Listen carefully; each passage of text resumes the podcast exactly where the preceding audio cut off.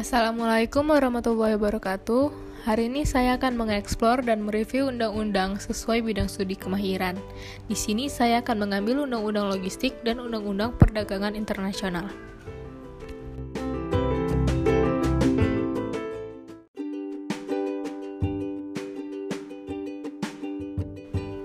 Sekarang saya akan menjelaskan tujuan dirumuskannya pasal dalam ketentuan aturan tersebut.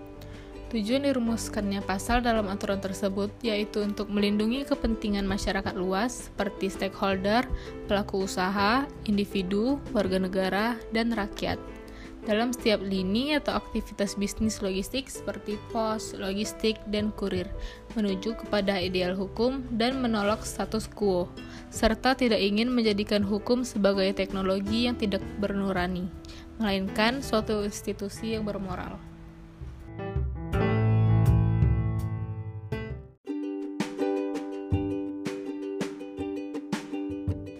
Selanjutnya, saya akan memberi contoh kasus pelanggaran dari aturan tersebut.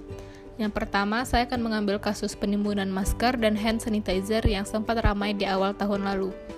Diduga banyak orang memanfaatkan kepanikan warga untuk menyimpan masker dalam jumlah banyak dan menaikkan harga secara tidak wajar.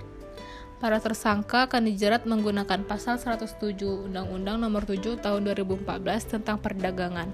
Pasal ini menyebutkan pelaku usaha yang menyimpan barang kebutuhan pokok dan atau barang penting dalam jumlah dan waktu tertentu pada saat terjadi kelangkaan barang, gejolak harga, dan atau hambatan lalu lintas perdagangan barang sebagaimana dimaksud pasal 29 ayat 1 dipidana dengan pidana penjara paling lama 5 tahun dan atau pidana denda paling banyak 50 miliar rupiah Pasal 29 ayat 1 yang dirujuk menegaskan larangan bagi pelaku usaha menyimpan barang kebutuhan pokok atau barang penting.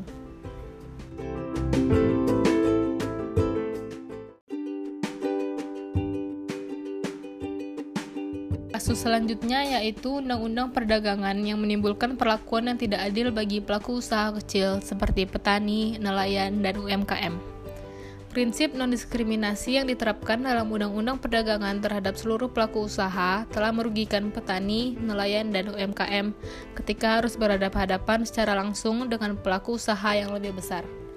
Perbedaan yang sangat besar di antara mereka mengakibatkan pelaku usaha kecil tidak akan mampu bersaing secara setara dalam medan perdagangan bebas yang berjalan hari ini. Hal ini akan berdampak terhadap kesejahteraan serta kelangsungan atas usaha yang menjadi penghidupan pelaku usaha kecil.